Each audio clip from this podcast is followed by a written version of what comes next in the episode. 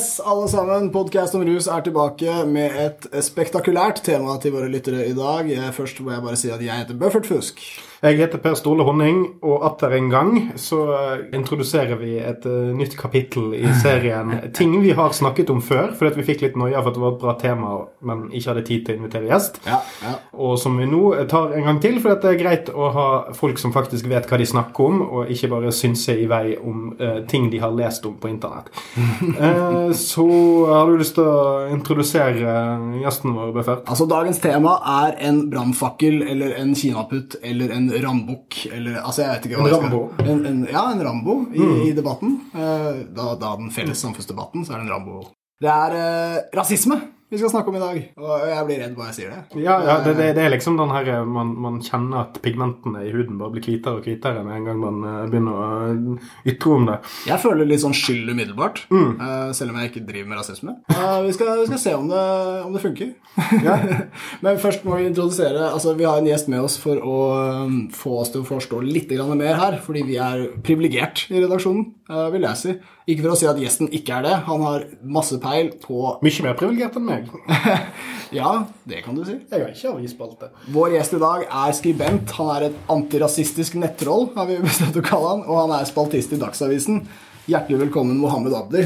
Tusen takk. Det det er utrolig moro å bli invitert til å være gjest på en av mine favorittpodkaster. Yeah! Ikke at jeg har hørt på alle 60 episodene, men det at jeg vet at det var 60 episoder, er Nice. positivt. Det er mye mer informativt enn, eller mye mer informert enn en del andre gjester vi har hatt her. Så det er, Det er god oversikt. oversikt. Og så hørte jeg at uh, denne episoden er sponset av Eirik Jensen. Så det er jo bra. Sponset av Eirik Jensen sin skinnjakke og ørering, som jeg fikk arvet. Vet, eh, det ble samlet inn masse penger da var i retten. ikke sant? De pengene de, de må brukes til noe. Eirik Jensens forsvarsfond.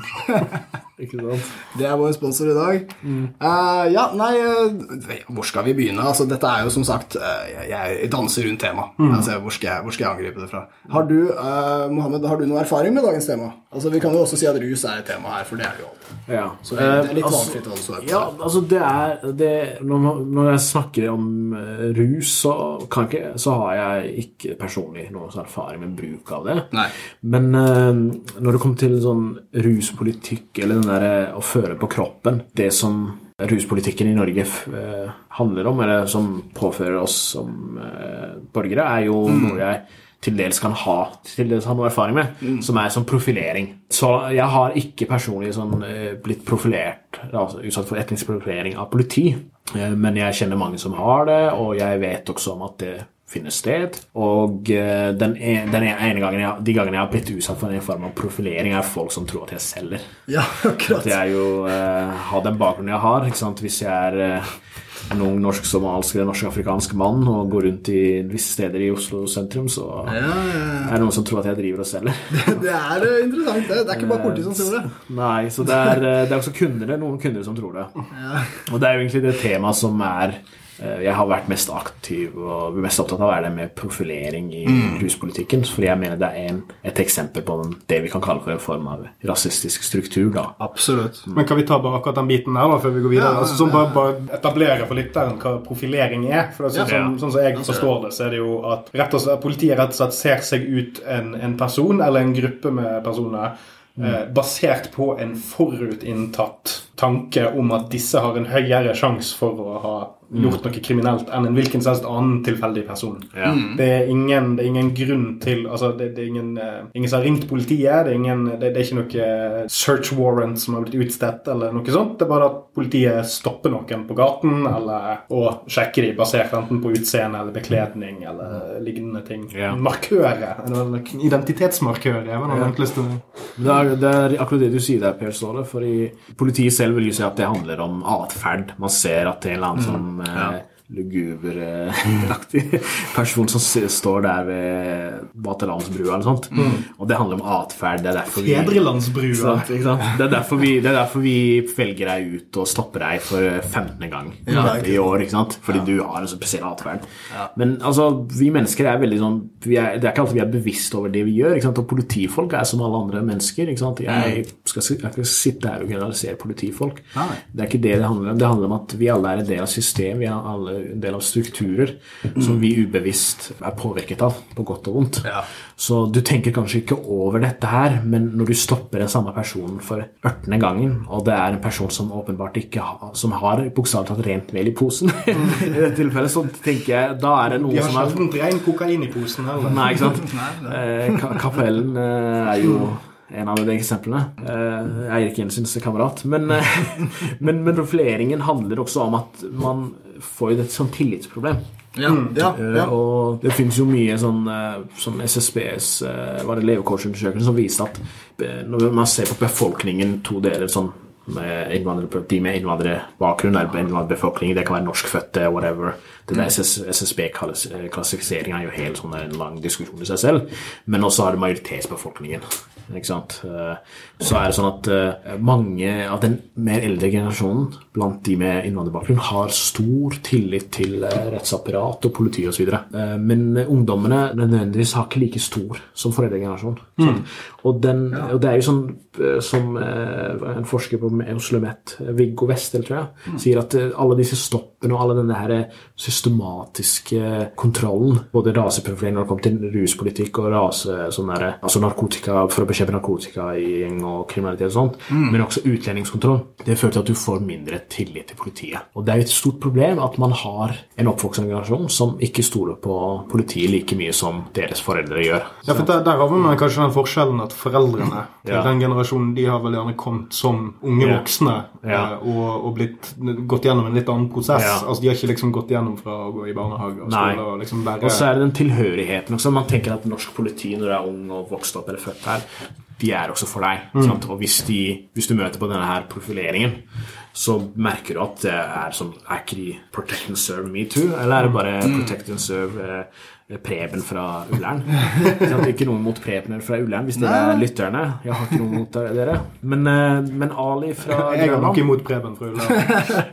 Ali fra Grønland har følt føler at han også Politiet er jo for der for han også, og den følelsen kan bli, angre, eh, den kan bli innskrenket eller bli lavere av denne profileringen.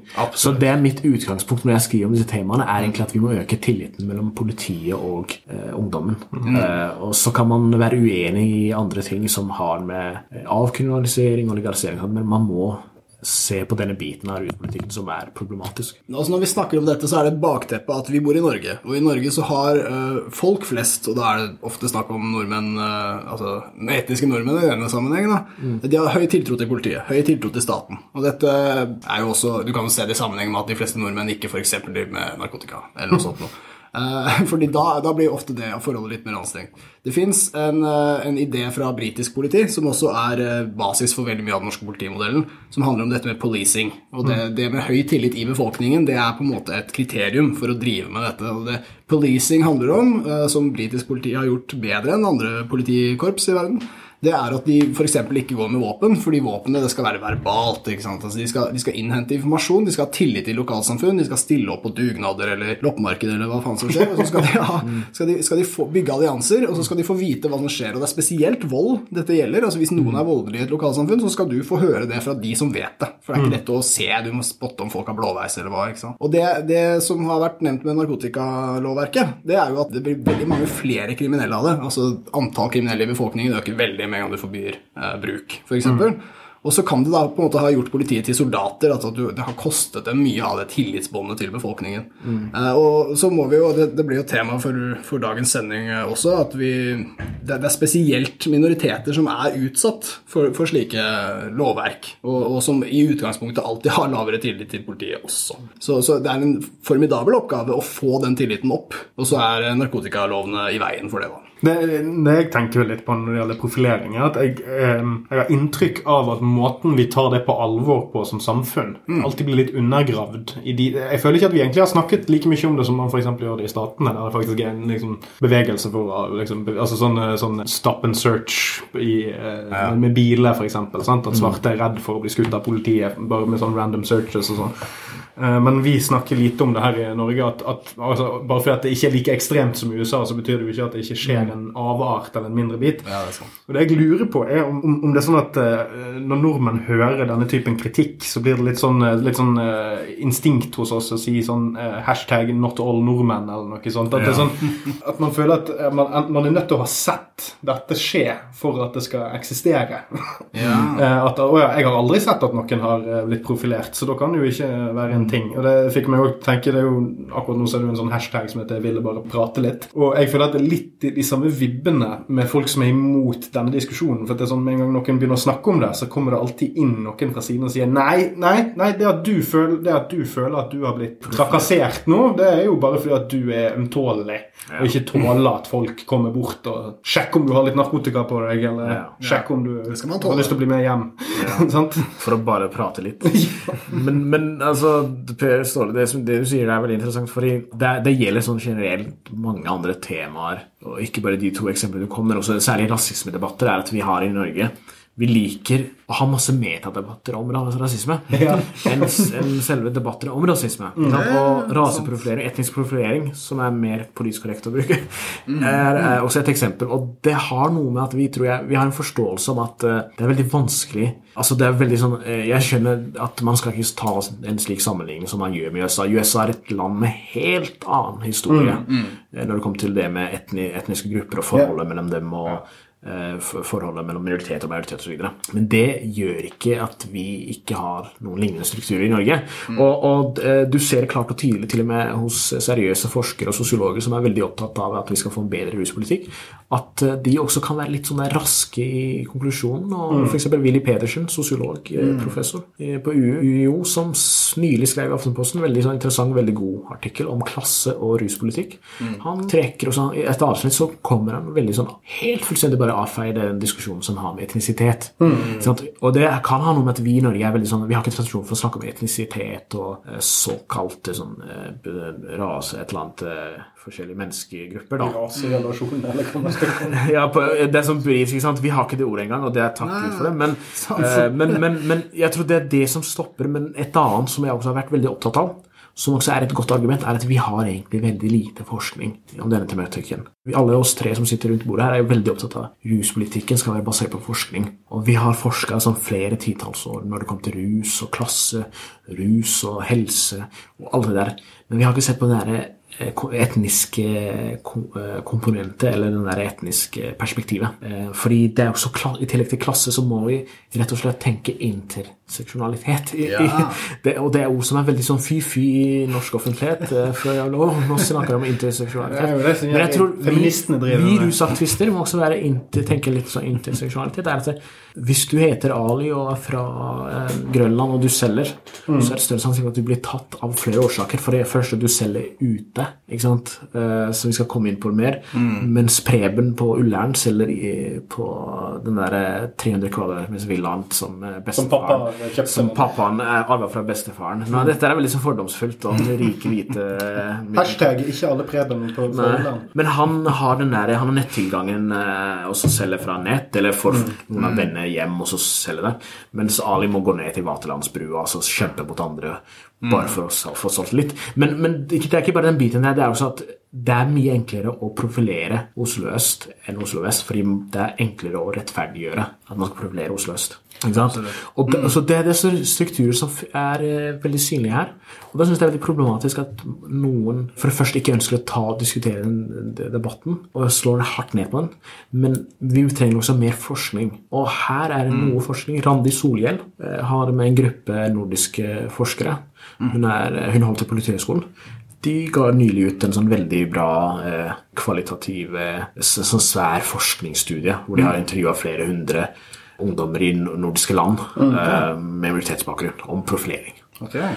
Og det kommer fram at eh, det, det er noen ganger man sier at noe forskning burde man ikke forske på, for du vet allerede svaret, men det, men det er noen ganger man trenger fakta på Ja, i hvert fall at man har liksom gått gjennom Ja. det og har noen, to streker. Mm. Der fikk jeg bare lyst til å spørre, for jeg har lest uh, en spaltetekst av det fra i fjor i Morgenbladet, uh, Ja. og der ble det annet nevnt at disse unødige stoppene eh, som, som stadig skjer, og litt for ofte med, med minoritetsungdom, og de blir veldig lei, at de kunne få en kvittering eh, når de ble stoppet. Eh, er, det, er, det, en idé som er fra dette forskningsprosjektet, eller er det kanskje fra et annet sted? Jeg syns det var en spennende idé. Nei, det er altså, Ikke det at jeg er ekspert på det, men det er ikke fra det studiet der. Okay. Uh, men det er som noe London-politiet, britisk politi, driver på med. Ja, som, som, som, er De har testa ut, og det har funka sånn hmm. veldig bra. Men det er jo sånn der, det er politisk ukorrekt og, det skjønner jeg også, at vi driver ja, og ikke har data på etnisitet og sånt mm, Norge. Uh, selv om det finnes noen uh, såkalte innvandringsmotstandere som er veldig opptatt av at SSB skal drive med det. Ja.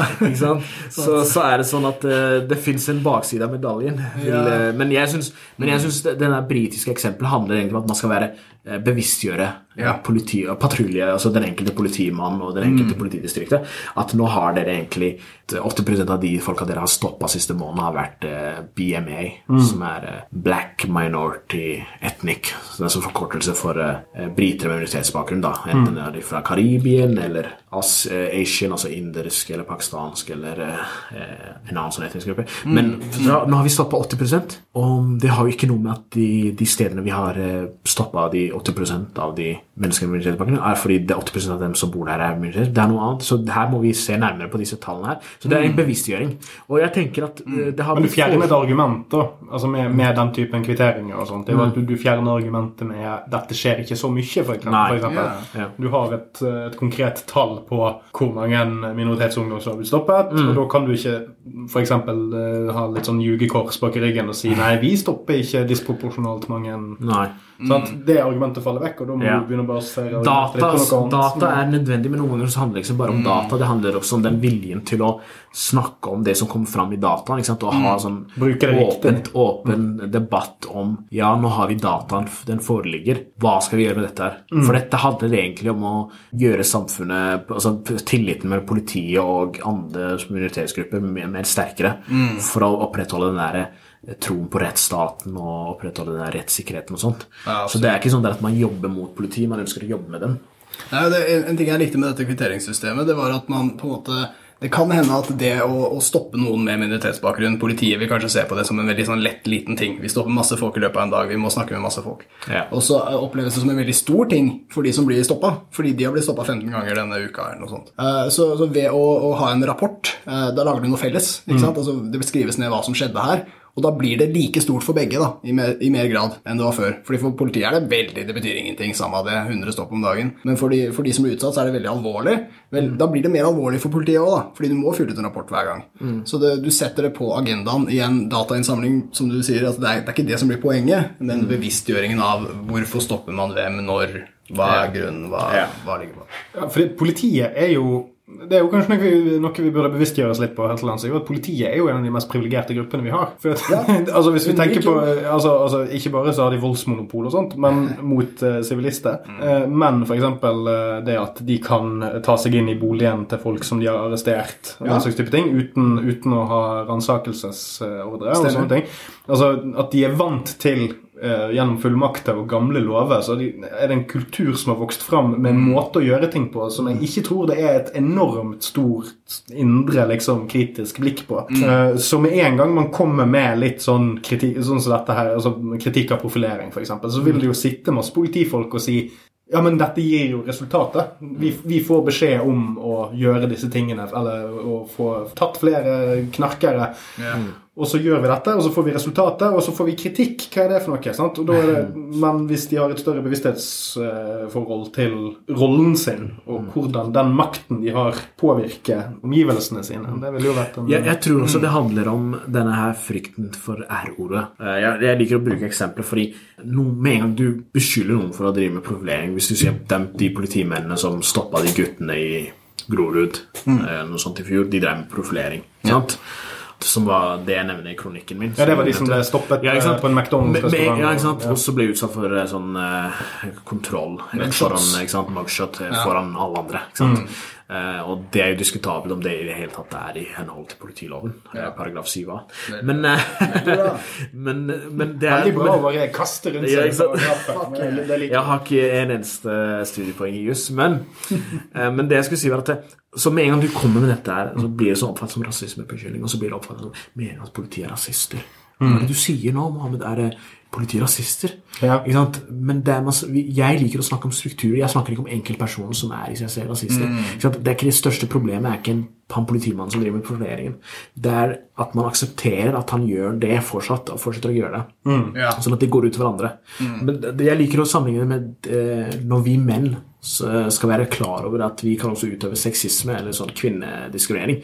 Selv om vi selv vi ikke vil kalle oss kvinnehatere eller mm. kvinnesjåvinister eller mannssjåvinister, ikke kvinnesjåvinister. Men vi må være klar over at, eh, at, at man snakker om strukturer, betyr ikke at enhver individ gjør dette her. Eller hvis de Eh, gjør det, så er ikke det en del av nødvendigvis Nei. grunnstammen i personligheten. Nei, men, men, har men det er fortsatt en struktur. ikke sant? Men man tenker med en gang at det er å man snakker om strukturell diskriminering, eller rasisme, eller eh, sexisme, er lik equals eh, å snakke som individuell moralsk brist. Altså, det Ja, sånn, «Å, hei, nå må du roe deg ned, du kaller politiet rasister. ikke sant? Det, og så blir det sånn metadebatt. Ja. Ja. Vi må heller snakke om strukturene og snakke mindre om den individuelle politimannen. Ja, veldig sant. Ja, for vi er, vi er veldig glad i å henge oss opp i måten man sier noe på, og ikke nødvendigvis hva man sier. Ja. Det er jo litt sånn som når, når Sigrid Bonde Tusvik og den gjengen der kledde seg ut som sånn handmaids fra Handmaid's Tale i protest utenfor, uh, utenfor Slottet. Så var det jo kjempemange som hang seg opp i at ja, men det at vi vil ha innstramminger, små innstramminger på abortloven, betyr Ja. jo ikke at vi er akkurat sånn som dette totalitære regimet i denne fantasy-serien. Nei, det, det er ikke poenget. Det er jo det metaforet brukes til, eller argumentet. Det er jo det at Ja. vi skal illustrere noe. Det er jo ikke det at du skal gi motstanderen din den, Altså at du skal anklage dem for å liksom inneha liksom alt Ja. som det begrepet kan bety. Ab- Absolutt, og vi kjenner også til eh, politiets eh, bidrag til rusdebatten. Altså Vi kritiserer politiet for veldig mye, og så kan man jo diskutere hvor mye de fortjener den kritikken, men når det kommer til måten de debatterer på, så fortjener de den kritikken. fordi der er det veldig ofte at man ikke får løftet debattene opp til teoretisk plan. Det blir alltid snakk om livet på gata. Ikke sant? Og I denne sammenhengen prøver man å snakke om strukturell eh, rasisme. altså Strukturer som får deg til å handle på en måte som vil være rasisme. Eh, og i stedet så blir det mer sånn her altså Jeg er en fin fyr, og jeg har mye erfaring, og jeg har sett ting på gata. Du veit ikke hvordan det er på gata. Det gjør jeg. Og da er vi nede på gata igjen. ikke sant? Vi prøver å få debatten opp. Det har vært en utfordrende gruppe å debattere teoretisk med. Eh, det vil jeg si litt sånn generelt. De er vant til at du hører etter når de snakker. Ja, og de, de skal på en måte kreve det. Men, men jeg hadde lyst til å si, altså, ikke for å bytte tema, det er altså en tekst som er litt kilde her for meg i dag, og det er 'Det sorte får' på Minervanett av Nils August Andresen. Han skriver eh, veldig bra om hvordan forskjellsbehandling skjer også gjennom narkotikapolitikken. Kombinerer våre to eh, favorittemaer for dagen. Men eh, jeg ville ta dette med altså Klasse er ett problem, etnisitet er et annet. Og så kan du si at klasse er det overhengende, men etnisitet har en helt egen si, ja, en egen betydning også for hvordan dette slår ut. Og det, det vi kan si, altså med litt grunnlag i Andresen, det er at vi kan si noen generelle ting om minoriteter. Og det er at de for det første rammes hardere av tiltak. Eh, Men de er også, altså minoriteter er generelt mer uh, fattige, altså har mindre økonomisk kapital. Det gjør dem mer kriminelle, for det er alle fattige folk. Uh, De er måte, de bor veldig ofte på områder der det er mange folk på lite plass. Det gjør at det blir mer territoriell disputt. Det gjør det at det blir mer Mellom kriminelle og mellom kriminelle, kanskje også vanlige folk, men, men det blir flere kriminelle òg, ikke sant? Og da får du mer vold. Eh, Og dette gjenspeiles jo også i hvor mye kriminalitet som er der. Du kan også si at de ikke nødvendigvis alltid har den identiteten som eh, nasjonal borger, som, som mange har. Hvis du har vært i landet kort og sånn, så da er de ofte mer opposisjonelle, ikke sant? Så du har disse utfordringene med minoriteter generelt. Det kommer alltid til å være sånn. Da trenger du ikke politikk som forsterker de problemene, ikke sant? Fordi de er jo der fra før. Og narkotikalovene, gjett hva, ikke sant? De, de, et liten fun fact på sida der, at de også øker ulovlig innvandring. Fordi det er jævlig mye spenn å tjene, og du kan bare hoppe over grensa. Eh, men, men for å ta, ta det jeg skal avslutte med her altså, Vi har snakket om USA, og hvor splittet samfunnet er eh, på etnisitet, så kan jo ikke Norge sammenlignes.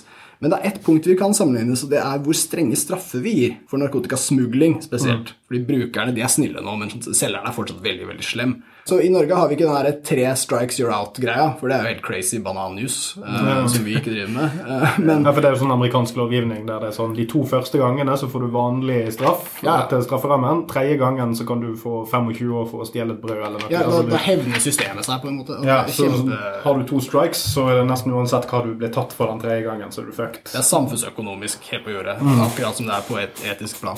Men, men, det vi har i Norge, for å rappe opp min lille monolog altså I Norge har vi et veldig strengt lovverk på smugling. Altså du får, For å smugle narkotika fra la oss si Iran, hvis du er fra Iran, så får du omtrent de samme straffene som folk får for å drepe eller torturere eller altså gjøre veldig grove handlinger. Så de fleste folk som er innom fengsel i Norge, de har ikke så høye straffer. Og, og mange av de er hvite. Men veldig mange av de som er, sitter for narkotika, de er utlendinger. I Norge er hele 13% av alle innsatte det er narkotikadømte utlendinger. Og, så det du får problemet med disse lange straffene, er at når utlendinger begår la oss kalle det fattigmannskriminalitet, så blir de i fengslene. Altså Hvitsnippkriminelle kommer inn og ut, soner et år, fyllekjøring, et eller annet, og så blir de fattige der.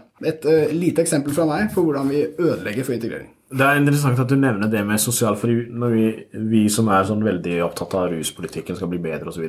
Mm. Vi har jo snakka om at det skal være helse som gjør fokus, men det sosiale er jo ikke like viktig. Ja, ja, ja. At, har, når man snakker om Jøsa, så har du jo den veldig kjente amerikanske sosialfilosofen Tupac som sa Instead of, uh, instead of uh, war on poverty, they got war on drugs. ikke sant? Så det, det, dette her er sånn så Låta kom ut fem, det var 95. Mm. Som en klasse filosof som visste Som var forut sin tid.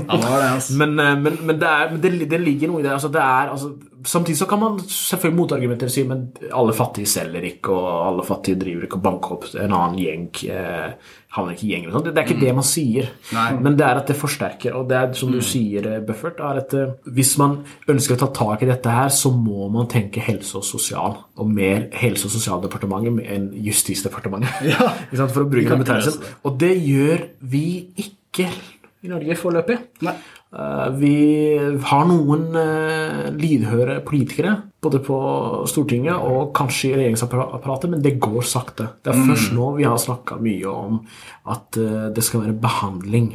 Ikke straff. Og så kommer dette inn med dette her klasse- og etniske perspektivet. Altså, det er at du for noen år, jeg tror det var noen par år siden så hadde det vært Dagbladet som undersøkte de der promilledommene. Mm.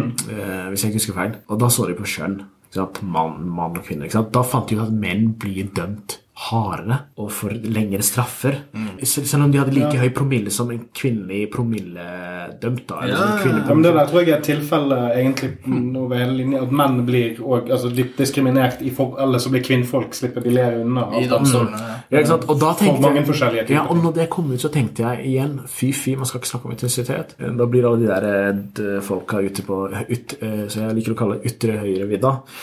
Eh, veldig sånn gira, litt kåte, fordi ja, Mohammed, du er inne for at vi skal drive og føre data på intensitet.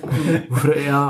Men poenget mitt er at det, det første som poppa opp i hodet mitt, eh, folkens, var at eh, hvis man hadde ikke bare sett på kjønn, men også sett på den derre altså statsborger, og det er greit, ikke sant? Ja. Utenlandske, som du nevnte, som uh, sorte får-artikkelen til Nils August Andresen handler om. Men hva hvis man også sett på den derre foreldrebakgrunnen, da, hvis vi ikke skal mm. være politisk korrekt? Er det sånn hvis du er eh, norskfødt, som SSB liker å kalle det, eller er første generasjon eller andre generasjon, som jeg liker, er det sånn at du får strengere straff hvis du og Igjen, la oss bruke det eksempelet jeg liker å bruke.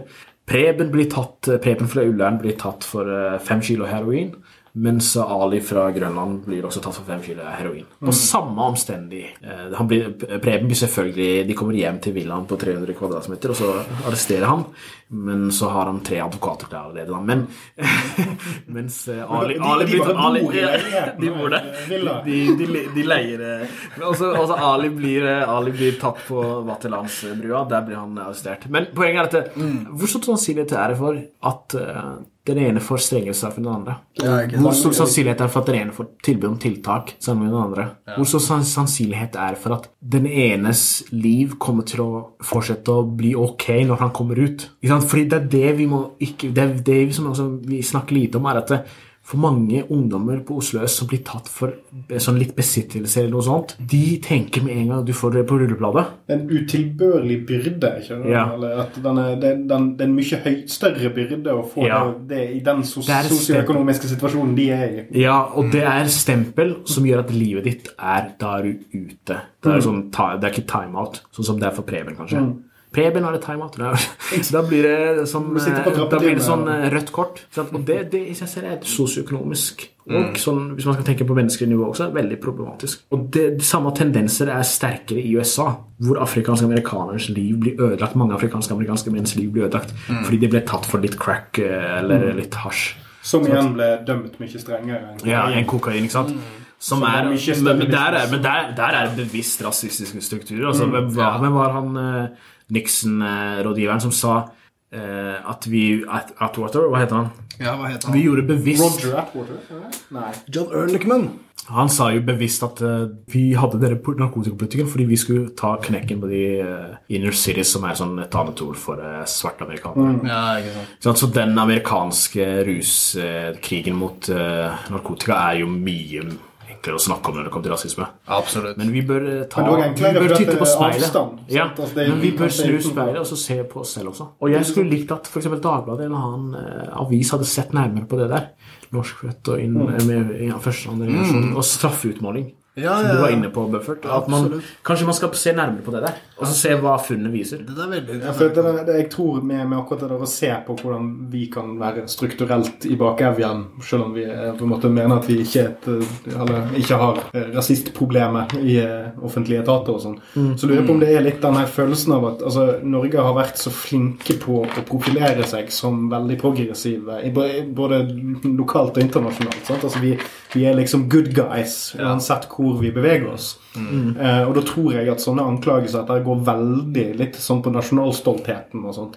Og da er det jo litt sånn påtagelig at man da blir mer eh, irritert på anklagen om at man kan ha gjort noe rasistisk eller med rasistisk tilsnitt enn å ta det på alvor. Eh, altså sånn, å ja, nei, men Vi er jo ikke rasister, eller vi gjør jo ikke rasistiske ting. Sant? Ja. Den typen ting, Men at vi heller gjør det istedenfor å si oi, shit, jeg som er så god, jeg blir anklaget for dette her, kanskje jeg skal gå litt i meg sjøl, eller mm. politiet, eller hvem enn vi snakker om her. Det syns jeg òg er litt sånn fascinerende at vi ikke gjør. At, det ikke, at ikke ryggmargsrefleksen går i retning av ta kritikk på alvor og se om det er sant. Ja, veldig sant, det. altså. Ryggmargsrefleksen ender med metadebatt. ikke sant? ja, ja. Ja, ja. Hvem, hvem ble kalt rasist, og hvem ble ikke kalt? Jeg, syns det er veldig dårlig gjort at jeg blir anklaget for den tingen som jeg muligens har gjort. Ja. men, men jeg syns det er et veldig spennende poeng du har, Mohammed. For altså, vi, når vi ikke kartlegger etnisitet i, i offentlige data, og sånne ting, så, så er det mange gode grunner for det. Håper å si Etnisk fokus. Folk er jo redd for det. Altså, det blir på en måte rasisme med en gang. Vi, vi oppfører oss som om vi på en måte ikke ser det. Det er det gode antirasistiske idealet. Å, er du, er du svart? Jeg, jeg ser ikke farge. Så jeg, jeg fikk det liksom ikke med meg. Men hvis vi gjør det i for stor grad, ikke sant, så kan det hende man undergraver at dette er en faktor. Og da blir dette bare handlende om klasse eller bare handlende om noe annet. Og det holder ikke for å forklare den situasjonen vi har. Hvis, hvis, du for eksempel, altså, hvis vi aldri snakker om etnisitet, så får du ting som at nei, nei, vi har ikke noe problem med folk som har den hudfargen, vi har bare problemer med kulturer. For eksempel, Det har jo rasister prøvd i åre, en årrekke. Eksempel islamsk kultur er så jævlig negativ. Men vi, når vi ser nærmere på hvem de snakker om, så snakker de om arabere, og de mener at arabere har brun hud. Ja, men det, Altså, det er på en måte en sånn er en slags sånn proxykrig. Ja. Der, du, der du bruker vikarierende argumenter Ja. eller motiver for Motiver. å si noe om det du egentlig har lyst til å si noe om, som er Ja. etnisitet eller Men hvem tjener mest på at vi ikke snakker om etnisk fokus? Det er mulig rasistene tjener på at vi ikke gjør det også. Ja. Men det er den fargeblindhetsideologien er jo veldig problematisk ikke sant, fra et antirasistisk perspektiv også. Absolutt. At vi ikke ser raseforfølgeren. Men, men det er derfor jeg tenker at det, hvis man skulle gjort forskning på dette her, eller eventuelt politiet selv skulle samle, så kunne det vært som første generasjon og andre generasjon. Fordi det er en annen, finere måte å si på en som er nordmann med sånn som meg, som Ja. er hudfarge. Mm. er liksom Eller, eller, eller, andre generasjons nordmann isteden. ja, ikke sant? sånne. Eh, ikke sant? Mm. Så, så har vi det der. Men eh, det er bare å få fram at eh, det kan være noe Fordi danskene har eh, Men vi skal ikke ha danske tilstander. Skal vi ikke det? Der var fanden min? Nei, fy faen. men de har en veldig bra dokumentar som jeg anbefaler, eh, Ja. som kom ut var det i fjor sommer eller vår. eller noe sånt, Hvor de har sett på dette her med stopp og kontroll. Uh, og Rasmus to episoder. ikke sant? Og, og de, det er skikkelig bra laga, fordi de tar og stiller politidirektøren spørsmål etter, og han har vanskelig med å svare. Uh, fordi de, har- de samla data, de gjorde som England. De bruker som England som et eksempel. Liksom. Og så sier men her kommer det fra Ja, ja, jeg er ikke dansk, men eh, han, den, han eh, Her kommer det 24 75. ja, som der viser sånn, De viser sånn, illustrerer det og viser at overrepresentasjonen overrepresentasjon i uh, narkotikakriminaliteten forklarer ikke og rettferdiggjør egentlig ikke den der eh, profileringen. Så de, de viser masse sånne interessante tall som er, som er sånn derre eh, Som de har eh, foretatt ved å se og ikke være fargeblinde, men å si her må vi se nærmere på dette, og da må vi forholde oss til den der eh, etniske perspektivet. Ja. Men det fins alltid sånne f f problemer og fare, fallgruver, som man kaller det.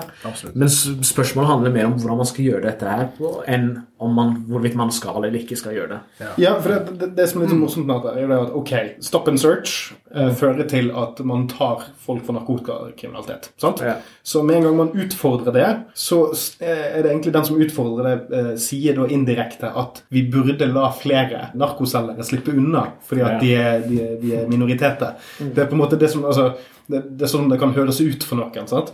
Eh, men hvis du ser litt stort på det, så burde jo rettferdighet, eller liksom, altså justissektoren og politiet og sånn altså Ekte rettferdighet er jo at alle burde slippe like mye unna. Ja. ja. Altså det, Hvis du ser at én gruppe slipper utrolig billig unna, mens en annen gruppe blir disproporsjonalt hardt straffet, så, så hvorfor i alle dager er ikke det sånn Ja, men vi må bare fordele det jevnt. Hvis vi kunne gjort det, så altså, Nå er jo vi sånn at vi burde jo, vi mener jo at det burde jo legaliseres, og folk burde jo ikke bli straffet for dette utgangspunktet for en del ting. og alt mulig sånn. Men hvis vi først har disse lovene, så er det jo sånn Ok, men jeg har ikke noe imot jeg, at det er noen eh, gjenger på østkanten som slipper litt billigere unna, hvis det da betyr at de tar noen av disse prebenene som sitter og koser seg. sant? Altså, da får du i hvert fall en følelse av at loven er lik for alle. ja. At fru Fortuna Nei, at fru Justitia er Som en allmenn rettsfølelse. Ja, Jeg må bare, tenkte bare veldig kjapt å nevne den eh, undersøkelsen fra i fjor, Ung i Oslo. For Den har vi jo snakket om før, selvfølgelig. Men det, 2018 så kom da tallene som bekreftet at det er dobbelt så mange ungdom på Frogner og Ullern som har prøvd hasj, som det er på Stovner og Alna. Dette er jo den gylne setningen fra den undersøkelsen. Eh, og så er det også eh, morsomt språk som går igjen i liksom, artiklene som handler om dette her. Altså På østkanten, hvis de selger hasj, så er det fordi de har ikke råd til kebab, og altså, de er rekruttert av gjenger og altså, Det er veldig sånn hva, hva, Har vi ikke gjenger på vestkanten? Sitter ikke prebenene og har en slags gjeng? Altså, det, det må jo de jo ha. Jeg liker at de som sier det, det- de må jo ha en eller annen slags helt absurd Altså, de, de må kjøpe kebab jævlig sjeldent hvis de tror at det koster så mye å kjøpe kebab. Ja, At du er nødt til å Altså, det- og er nødt til å her må jeg komme er. Her må jeg komme med en sånn liten fun fact, og det er at den beste kebaben Den koster 70 kroner. Den får du på Lasetta på Bislett. All right. Nice anbefaling. Den er, La Det ble, så det, det er litt episoden for her er sponset av språk Lasetta også. Så jeg måtte nevne det.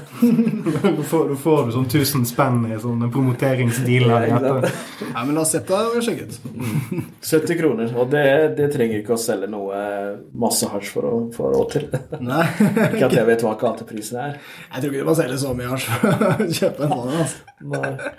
Ja, veldig bra. Men bare for å ta et lite poeng videre på det. Ja. At, i sted- i stedet med at rettferdighet er at alle slipper, slipper like mye unna. Eh, Ja, ja, det var jo, jeg vil jo berømme Frp for et forslag. Ja, det var jo Listhaug og eh, var det Aina Stenersen. Yes, positivt nevnt i den sammenhengen. de som mente at eh, de, de ville jo at det skulle være fire, to ganger og fire ganger så høy straff for å utføre kriminalitet i belastede områder. Akkurat, ja. Og jeg syns jo det er et veldig positivt tiltak. For det betyr jo at det da er fire ganger eh, mindre straffbart å begå kriminalitet i ubelastede områder. Sant? Så da, da har du faktisk tatt et tiltak, og liksom, da får du flyttet kriminaliteten litt rundt i byen.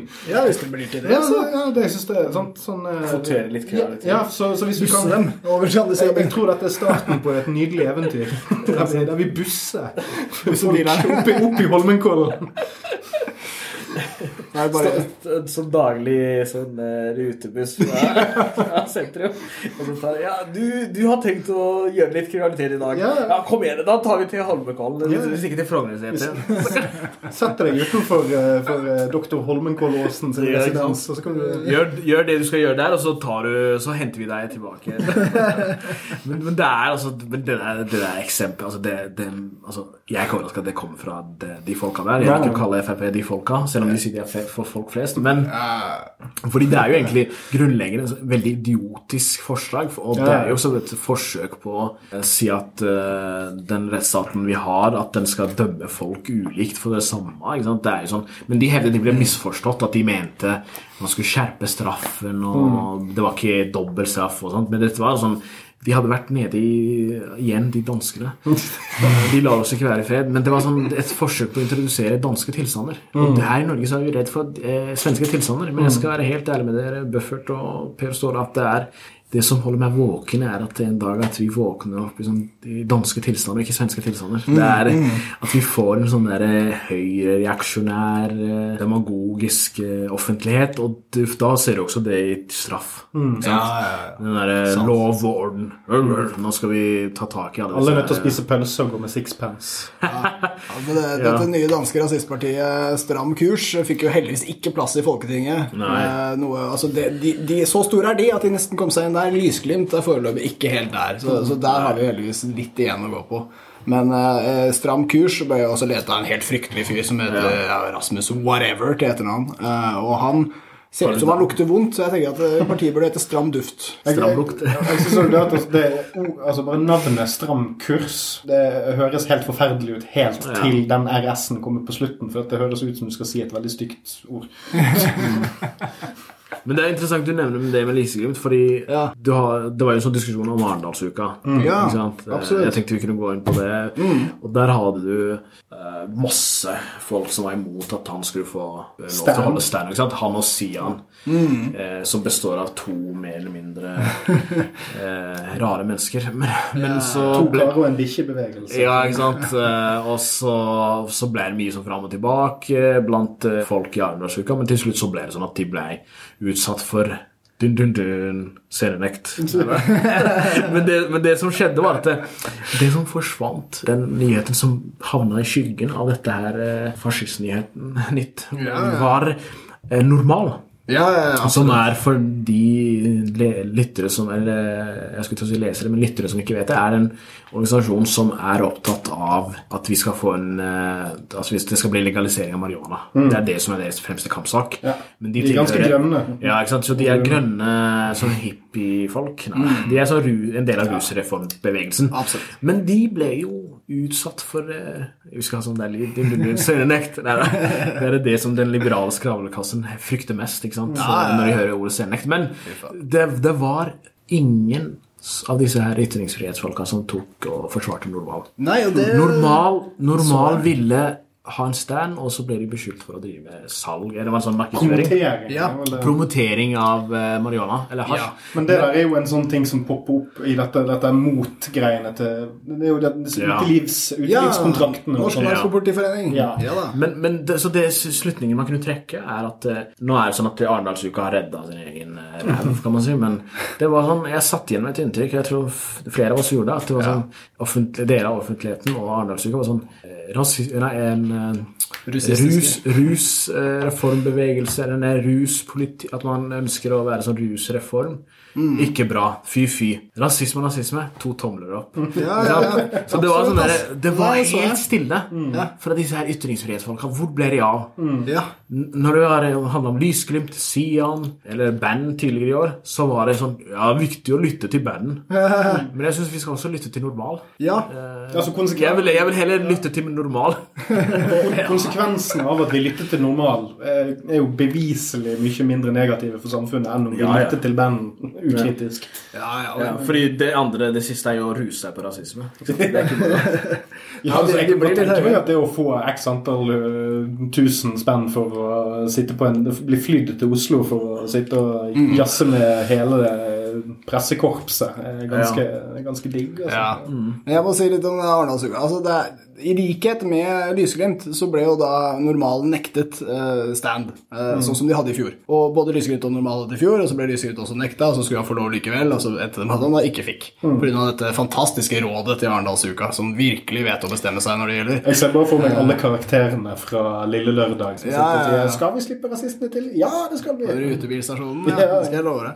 Men det, det kom på Dagsnytt 18. altså det var Lang tid så tok det før noen journalister beit på i det hele tatt. Ingen ytringsfrihetsfolk var med på dette. Ingen syntes det var spennende. Men Da kom det på Dagsnytt 18 til slutt, og da hørte, altså da kom leder av Normal, Ester Nafstad, og debatterte da han, en av disse som sitter i utvalget for Arendalsuka, som tar disse avgjørelsene av etisk art, og du verden hva de skal ta hensyn til. Eh, men men da, det, det som var så fascinerende der, da hadde jeg allerede hørt debatten om Lysglimt og band ikke sant, og alt dette her. Og da, da var det veldig sånn ja, vi må høre på begge sider, og det er veldig viktig, sånn som du også nevner, Mohammed. Men i den, han hadde liksom ingen forståelse, da, han representanten fra Arendalsuka, for at de hadde gjort noe galt. Nei, fordi i fjor hadde da Normal lagt fram en Altså, Kom til oss og prøv. altså Kjøp din cannabis på en lukket klubb. Bla, bla. De hadde beskrevet hvordan det gjøres i utlandet. De hadde beskrevet, Og så hadde de brukt vi, altså språk. Ja. da. Og dette er jo tolkningen politiet har lagt til at de har invitert folk til å bruke narkotika. Altså Når de har skissert en politisk modell som faktisk altså Greit, språk kunne vært annerledes, men det er jo igjen noe man gjør på en stand for å få et folk til å komme. grep, Ja, ikke sant? Du vil at noen faktisk skal besøke den jævla standen din. Eh, Så det var fascinerende å høre hvordan innvandringssaken, da, for Mm. å kalle det det, Ja, det er veldig viktig å høre begge sider. Altså, ingen forståelse fra Arendalsuka for at russaken i det hele tatt kunne være viktig. Altså, Innvandringssaken i Norge er liksom så evig aktuell. Det er den viktigste saken hver minutt, time og måned av året hele tida. Ruspolitikk, det er så jævlig upopulært. Og hvis du, hvis du, er en lytter som liker å diskutere innvandring og integrering veldig mye, og så føler du jeg, jeg blir liksom feiltolka mm. Norge de liker meg ikke fordi jeg vil diskutere det. Så kan du prøve å diskutere ruspolitikk. Altså kan du begynne å kjøre aktivt på rusdebatten mm. hvis du tror du blir utstøtt. Fordi det er i hvert fall noen som gidder å snakke om det du bryr deg om. Mm. Jeg, før jeg kommer inn på det siste poenget ditt, uh, Buffert, er det, det som er greit å vite, er at det, en sånn vanlig innsigelse for de som mener at ja, det er jo forskjell mellom at uh, politiske partier, alliansen, det er egentlig politisk parti, men å nekte dem å få lov til å holde stand, og det å nekte normal, fordi normal oppmuntrer til uh, Det er et argument jeg har hørt, oppmuntrer ja. til å bry, uh, sånn, bryte norsk lov. Men okay. hold an der. Altså, stopp der. Altså, rasisme er også mot norsk lov. altså, selv om det fins noen eh, folk som skrev i Aftenposten eh, 'opphev nå rasismeparagrafen', mm. og med all respekt å melde så var det 'Fifty Shades of White' av de som signerte. eh, de kunne ikke finne en eneste sånn der eh, token. altså, ja, de kunne ikke finne en eneste som har hatt, eh, brukt den der brun og blid-medlemskapet sitt. så de, de, de, fant ikke en eneste fra der, og det syns jeg egentlig veldig Men det er et eksempel på at disse her eh, kulturkonservative folka de greier ikke å eh, kvotere folk. De må begynne å kvotere. Ja. Altså, de kunne hentet Mazyar Kashvari, men han er jo opptatt med å fylle reiseregninger. Men uh, poenget, poenget, mitt var at uh, det, det, er, veldig sånn der, Det er sånn forståelsen av vi har lovbrudd. Det er sånn uh, fy, fy og markedsføring narkotika. Mm. Mens det å gå rundt og ønske å si at jøder står bak ditt og datten og ja, ja. benekte holocaust, det er jo ikke ulovlig i Norge. Men det er jo sånn der, opp, det er jo hatprat. ikke sant? Ja. Mm. Og noen tilfeller også er det sånn oppmuntring til hatkriminalitet som han driver med. Så jeg skjønner ikke hvor de som bruker det argumentet uten å nevne navn, ingen nevnt, ingen glemt, eh, det er at de skjønner ikke at dette her er jo lovbrudd som skader mennesker. ikke sant? Mm, mm. Det at du går inn for å legalisere marihuana i seg selv kommer ikke til å skade deg, men hatkriminalitet og hatprat skader mennesker. Det, den, det skjønner jeg ikke. Mm. Og så Det siste jeg skulle komme med, det poenget du kom med der, Buffert. fordi ja. det, det, snakker man veldig lite om, at eh, mange som er aktive i rusreformbevegelsen Jeg er et unntak, for jeg er åpen med mitt navn osv. Mm. Eh, men dere er jo et eksempel på to veldig staute karer som eh, har sterke meninger om tematikken. Men dere har av personlige årsaker og andre årsaker, profesjonelle årsaker mm. vært har bruker pseudonymer. Ja, ja. Og det er en grunn til det. Ikke, sant? Mm. ikke pga. feighet, eller noe sånt, men det er fordi det er så stor belastning å ha de meningene dere har. Ikke sant? Og jeg vet at noen folk sier Det er veldig belastende å være rasist også. det burde det være. Det burde men jeg skjønner ikke hvorfor det skal være belastende å si at uh, man skal slutte å jage han der uh, rusmisbrukeren uh, rusbrukeren som henger på ved Brugata med knekk i knærne, mm. som egentlig har hatt sine bedre dager. Mm. At, du, at du går inn for at han skal heller uh, få et helsetilbud enn å bli, møte den der batongen til politiet. Ja. Hvorfor, skal, hvorfor, skal, det å ha den meningen der gjøre at du skal være pseudonym eller anonym? Ja, det, ja, men det, det, det, som, det er ikke det belastende med det. Fordi uh, den måten vi nå på en måte nesten har legalisert rusprat på i Norge, det er at så lenge du har helsefokus og et sosialt fokus så er det null problem å ha meninger. Altså, ja. altså, da kan du være åpen. Ja. Ja. Men problemet er at veldig mange av oss som har mening om det, har jo òg veldig sterke meninger om andre ting, som da igjen ikke har blitt eh, fullt så mye tatt inn i varmen. Som f.eks. at uh, man burde kunne bruke psykedeliske stoffer som man vil, eller rekreasjonell bruk, sånne ting, mm. som debatten ikke har modnet til at vi kan snakke om uten at det får veldig store sosiale konsekvenser. Mm. Uh, og igjen så kommer jo det fra et litt privilegert uh, synspunkt, fordi at det betyr jo egentlig bare at altså, det, det, får negative konsekvenser, men ikke nødvendigvis sammenlignet med en del andre grupper. Altså, mm. man, har man en viss utdannelse eller en, en jobb som er trygg, så, så det er greit. Men hvis du ikke har en av de tingene, så kan bare en enkel setning som er googlebar, være veldig utsettende. Altså Hvis du ikke er en del av skravleklassen og liksom er kjent for å være en debattant, eller noe sånt, mm. så kan det bli veldig kan det bli veldig røft, altså. Det kan være veldig belastende. Og det, det i seg selv er et problem. Men jeg, jeg, er fullstendig enig med deg på den mm. siste korrigeringen der. Fordi man snakker jo mye om helse og, og det der sosiale perspektivet, og da slipper man unna med mm. ikke sant, å være aktiv. Men jeg må jo bare legge til at det står jo faktisk Per Ståle ordning på fødselsattesten min, sånn at det er registrert for eventuelle politijurister der ute. Det er godt du får med det. Uh, ja, nei, jeg føler vi har uh, naila det. Ja. Jeg føler at vi Vi har omsider løst rasisme. Rasisme solved. Uh, you're welcome. Så er det stor sannsynlighet for når jeg skal ta banen nå, at jeg ikke blir utsatt for raseprofilering. Scenenekt. Jeg kan ikke gå god for det, i hvert fall, men eh, vi får se. Jeg tror vi har redusert sjansen med litt. Kanskje et kvart prosent. Ja, men det, er jo, det spørs jo om vi skal ha samme retning og sånn. Så. Men det, det, Ja, vi er fortsatt en delt by.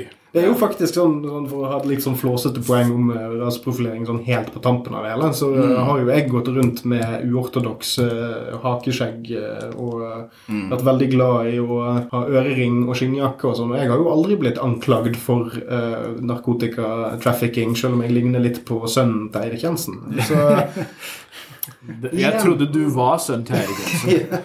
Men det er bra du eh, avkrefter det. Jeg, vil si at Eirik Jensen har Jeg trodde det skulle være et slag for baugen for ørering skinnjakkefolket Ja. at han ble tatt, men nei, vi ser ut til å Litt på samme måte som at vi med, blå, med blondt hår og blå øyne ikke fikk spesielt Ja. mye til etter 22. juli. Jeg må bare nevne dette veldig fort, siden vi runder av nå, men er at Eirik Jensen var noen, for noen år siden intervjuet i Dagbladet. Ja. 2012 eller sånt, tror jeg. Det var noen år før saken starta. Ja. Hvor han snakka om eh, narkotikagjenger og innvandringskriminalitet og sånt.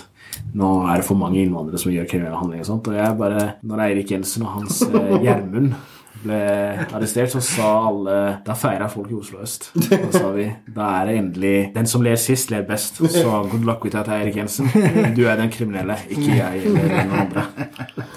Få se hvor mye han ler nå. Nice. Kos deg med soninga. Uh, ja, det blir sikkert mye high fives for han der inne. Hils Preben. Nei da. Ja, det er for få Prebener. Nei, ja, da, da kan han kose seg med konsekvensen av den mislykkede narkotikapolitikken og dens negative konsekvenser på integreringen. Gjett hvem du møter i fengsel, Erik Jensen. Det er de som blir værende der fordi de får de samme narkostraffene som du fikk, nemlig kjempelange. yes, tusen hjertelig takk for at du kom, Mohammed. Det her har vært kjempebra. Jeg håper du har kost deg. Takk for det, og jeg håper at alle følger det er den beste podkasten om rus. Yeah. Takk, ass. Yes, men da runder vi av, og så får vi bare si til uh, alle gjengene der ute som hører på Ja. oss, at de må bare oppføre seg ordentlig og ikke, Ja. ikke lage så mye baluba. Ta, ta og Finn deg en uh, fyr som heter Preben, som har en stor villa, og selg henne derifra. Oppfør dere ordentlige gjenger. Særlig politiet er den største gjengen av. Ja, mer krim i Holmenkollåsen. Takk, for oss. Takk til Mohammed. Ha det.